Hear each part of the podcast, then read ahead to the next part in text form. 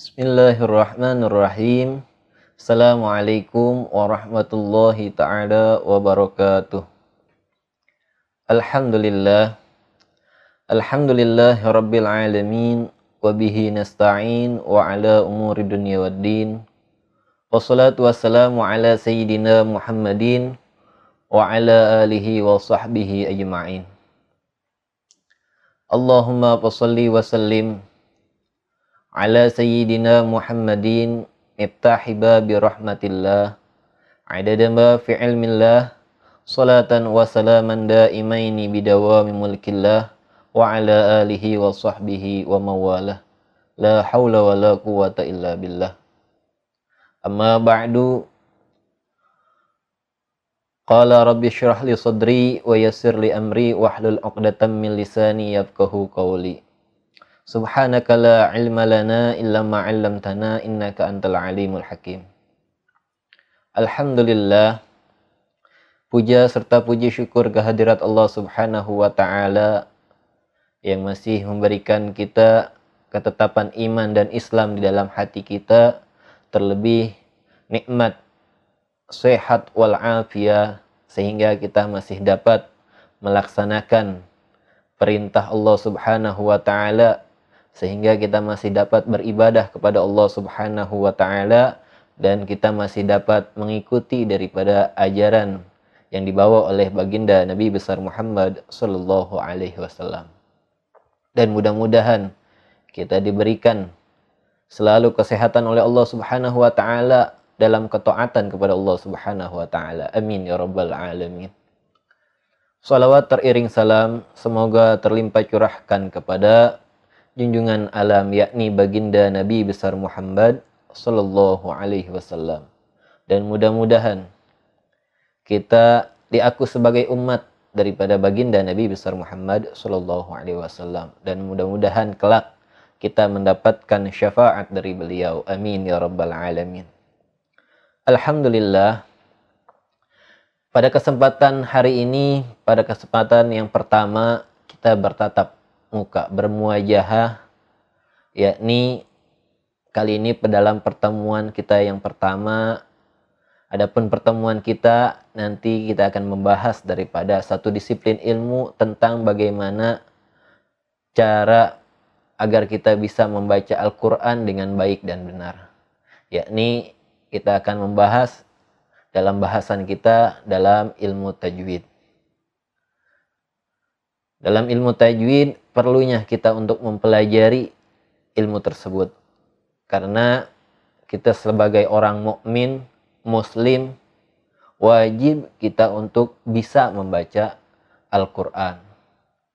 Jangan pernah kita mengaku orang yang beriman kepada Allah Subhanahu wa taala, orang yang memeluk agamanya Allah Subhanahu wa taala akan tetapi kita tidak bisa membaca kitab yang diturunkan oleh Allah Subhanahu wa taala sebagai petunjuk ataupun pedoman bagi hidup kita.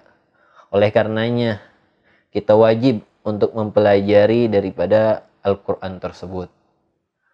Oleh karenanya, kita hadir di sini untuk memberikan satu ilmu yang di mana kita akan membahas tentang bagaimana tata cara kita bisa membaca Al-Quran dengan baik dan benar. Adapun kitab yang akan kita bahas pada pelajaran tajwid tersebut, insya Allah kita akan membahas dengan kitab Hidayatus Sibian. Hidayatus Sibian tersendiri bermakna kalau kita mau artikan perkata Hidayatus Sibian itu artinya adalah petunjuk petunjuk untuk anak-anak. Artinya kitab ini adalah kitab untuk pemula, untuk kita semua orang-orang yang mempelajari Al-Quran. Orang-orang seperti kita, orang-orang yang pemula untuk memahami bagaimana cara membaca Al-Quran dengan baik dan benar. Sebelum kita mempelajari daripada kitab tajwid tersebut, kita perlu mengetahui bagaimana sejarah awal mula daripada kitab tajwid tersebut ataupun awal mula bagaimana tata cara baca Al-Quran yang baik dan benar. Dahulu dikisahkan bahwasanya pada zaman baginda Nabi Shallallahu Alaihi Wasallam ketika Al-Quran diturunkan kepada baginda Nabi Shallallahu Alaihi Wasallam dan diajarkan kepada para sahabat, dahulu Al-Quran tersebut tidak mempunyai baik harokat ataupun syakel ataupun tanda baca seperti titik dan yang lainnya. Jadi Al-Quran pada masa itu hanya sekedar tulisan. Hanya sekedar tidak ada tanda baca. Mungkin kalau sekarang kita sudah mudah untuk membaca Al-Quran karena sudah ada tanda baca seperti syakel, harokat, ataupun titik. Kita bisa membedakan antara huruf A, gitu, huruf B, huruf Ta, dan yang lainnya. Tapi pada masa itu Al-Quran tidak ada tanda baca seperti itu. Akhirnya masa ke masa semakin berkembangnya Islam, semakin luasnya ajaran agama Islam, akhirnya dibuatlah satu definisi ilmu yakni tentang bagaimana cara membaca Al-Quran itu dengan baik dan benar. Kalaulah Al-Quran pada masa itu sampai sekarang tidak memiliki tanda, baik syakel ataupun tanda baca yang lainnya, mungkin kita akan lebih sulit untuk membaca Al-Quran, mempelajari Al-Quran tersebut. Tapi Alhamdulillah, berkat orang-orang masa dahulu membuat definisi satu ilmu yang mengajarkan bagaimana tata cara membaca Al-Quran itu dengan baik dan benar. Itu pada masa Sayyidina Ali bin Abi Thalib. Disuruhlah satu orang untuk membuat satu definisi ilmu. Karena pada masa itu Al-Quran semakin luas.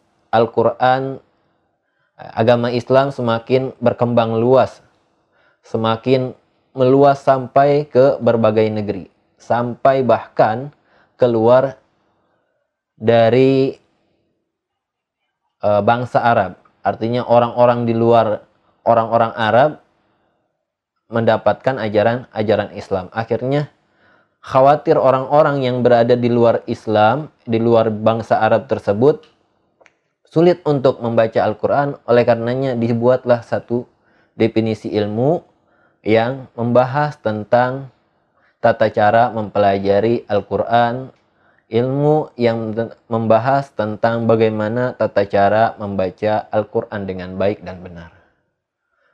Orang yang pertama untuk menggagas ilmu tersebut, ilmu tajwid tersebut, yaitu adalah yang sudah sering kita kenal namanya yaitu Abu Aswad Ad-Du'ali.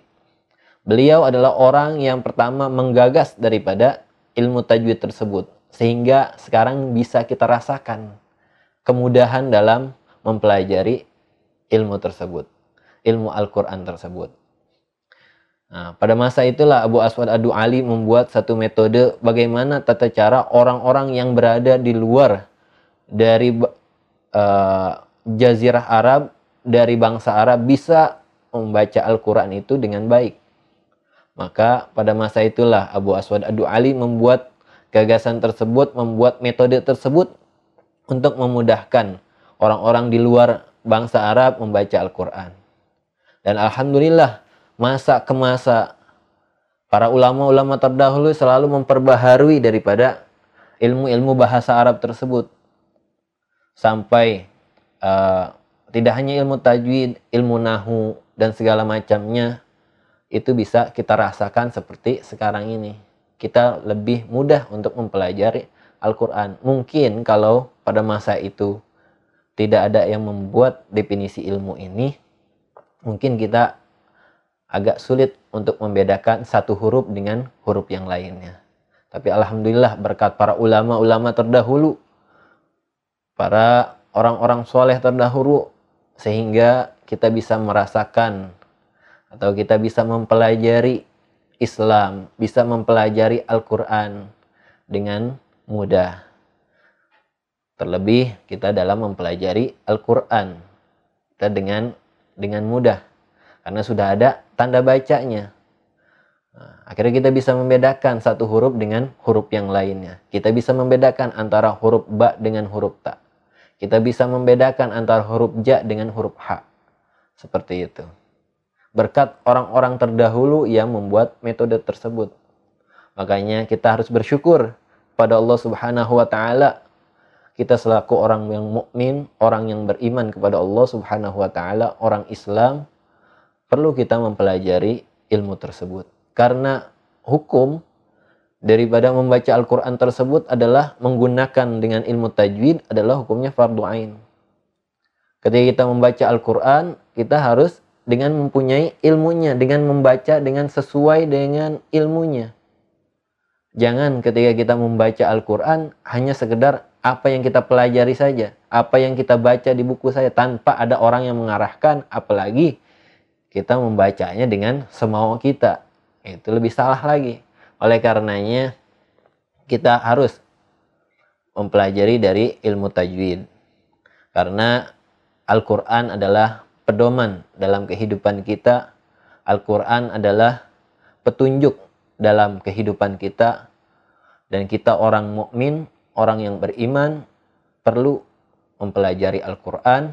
Dan kita perlu uh, membacanya, tidak hanya sekedar membaca, tapi memahami daripada apa yang terkandung di dalam Al-Quran tersebut. Sehingga ketika kita mempelajari Al-Quran tersebut, kita memahami isi kandungan tersebut, insya Allah kita selamat dalam mengarungi bahtera kehidupan kita. Begitu. Penting. Makanya kayak penting dalam kehidupan kita itu bisa membaca Al-Qur'an dan bisa memahami apa yang terkandung di dalam dalam Al-Qur'an. Karena perintah Allah Subhanahu wa taala dalam Al-Qur'an itu warattilul Qur'ana tartila. Dan bacalah Al-Qur'an itu secara secara tartil. Artinya ketika kita membaca Al-Quran itu kita harus membaca dengan dengan baik dan benar. Bagaimana kita bisa membaca Al-Quran dengan baik dan benar? Yaitu dengan mempelajari ilmu yang membahas tentang Al-Quran tersebut. Yaitu ilmu tajwid. Seperti itu. Makanya ayo sama-sama. Kita mulai. Ataupun kita yakini diri kita untuk mempelajari Al-Quran. Untuk mempelajari ilmu-ilmu yang membahas tentang Al-Quran. Ya, oleh karenanya jangan bosan, jangan pernah bosan kita untuk selalu memperbaharui dalam kehidupan kita, memperbaharui dalam bacaan kita. Dalam membaca Al-Quran, kita harus memperbaharui bacaan-bacaan kita dalam Al-Quran tersebut sehingga kita termasuk orang dalam kategori yang membaca Al-Quran dengan baik dan benar. Jangan sampai kita membaca Al-Quran itu cuma sekedar uh, baca. Tapi kita harus mendalami dengan membaca Al-Quran dengan hukum-hukum yang terkandung di dalam Al-Quran tersebut.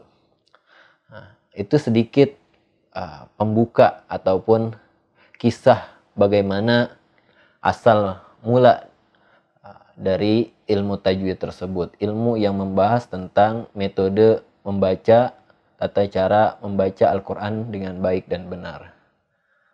Dan sekali lagi, para pemirsa yang dirahmati oleh Allah Subhanahu wa Ta'ala, ayo sama-sama kita berbenah diri, kita lihat bacaan kita. Sudahkah kita termasuk orang-orang yang membaca Al-Quran dengan baik dan benar? Ataupun ataukah kita termasuk orang-orang yang cuma sekedar membaca tapi kita tidak memahami baik hukum ataupun makna yang terkandung dalam Al-Quran. Karena kalau kita membaca Al-Quran, membaca Al-Quran tidak dengan ilmunya, maka kita sulit untuk membedakan uh, huruf yang satu dengan huruf yang lainnya. Karena setelah satu huruf pun salah pengucapan dalam huruf yang ada dalam Al-Quran maka akan merubah daripada segi makna yang terkandung dalam Al-Quran tersebut. Makanya kita perlu dan wajib membaca Al-Quran berdasarkan dengan ilmu dan hukum-hukum yang ada uh, dalam dalam Al-Quran. Ayo sama-sama. Terakhir sama-sama kita memperbaharui daripada bacaan kita dan mudah-mudahan Allah mudahkan langkah kaki kita dalam mempelajari ilmu Al-Quran. Dan mudah-mudahan Allah Subhanahu wa Ta'ala mudahkan kita dan memberikan keistiqomahan kepada kita untuk selalu membaca Al-Quran dan selalu memperbaharui daripada bacaan kita. Dan mudah-mudahan Allah Subhanahu wa taala mempermudah kita dalam mempelajari ilmu-ilmu yang terkandung di dalam Al-Qur'an. Mungkin itu sekelumit permulaan pembuka untuk mempelajari ilmu tajwid dan mudah-mudahan uh, apa yang disampaikan bisa bermanfaat untuk kita semua. Amin ya rabbal alamin. Mungkin cukup sekian yang bisa saya sampaikan. Kurang dan lebihnya mohon maaf. Wal'afu minkum. Wassalamualaikum warahmatullahi wabarakatuh.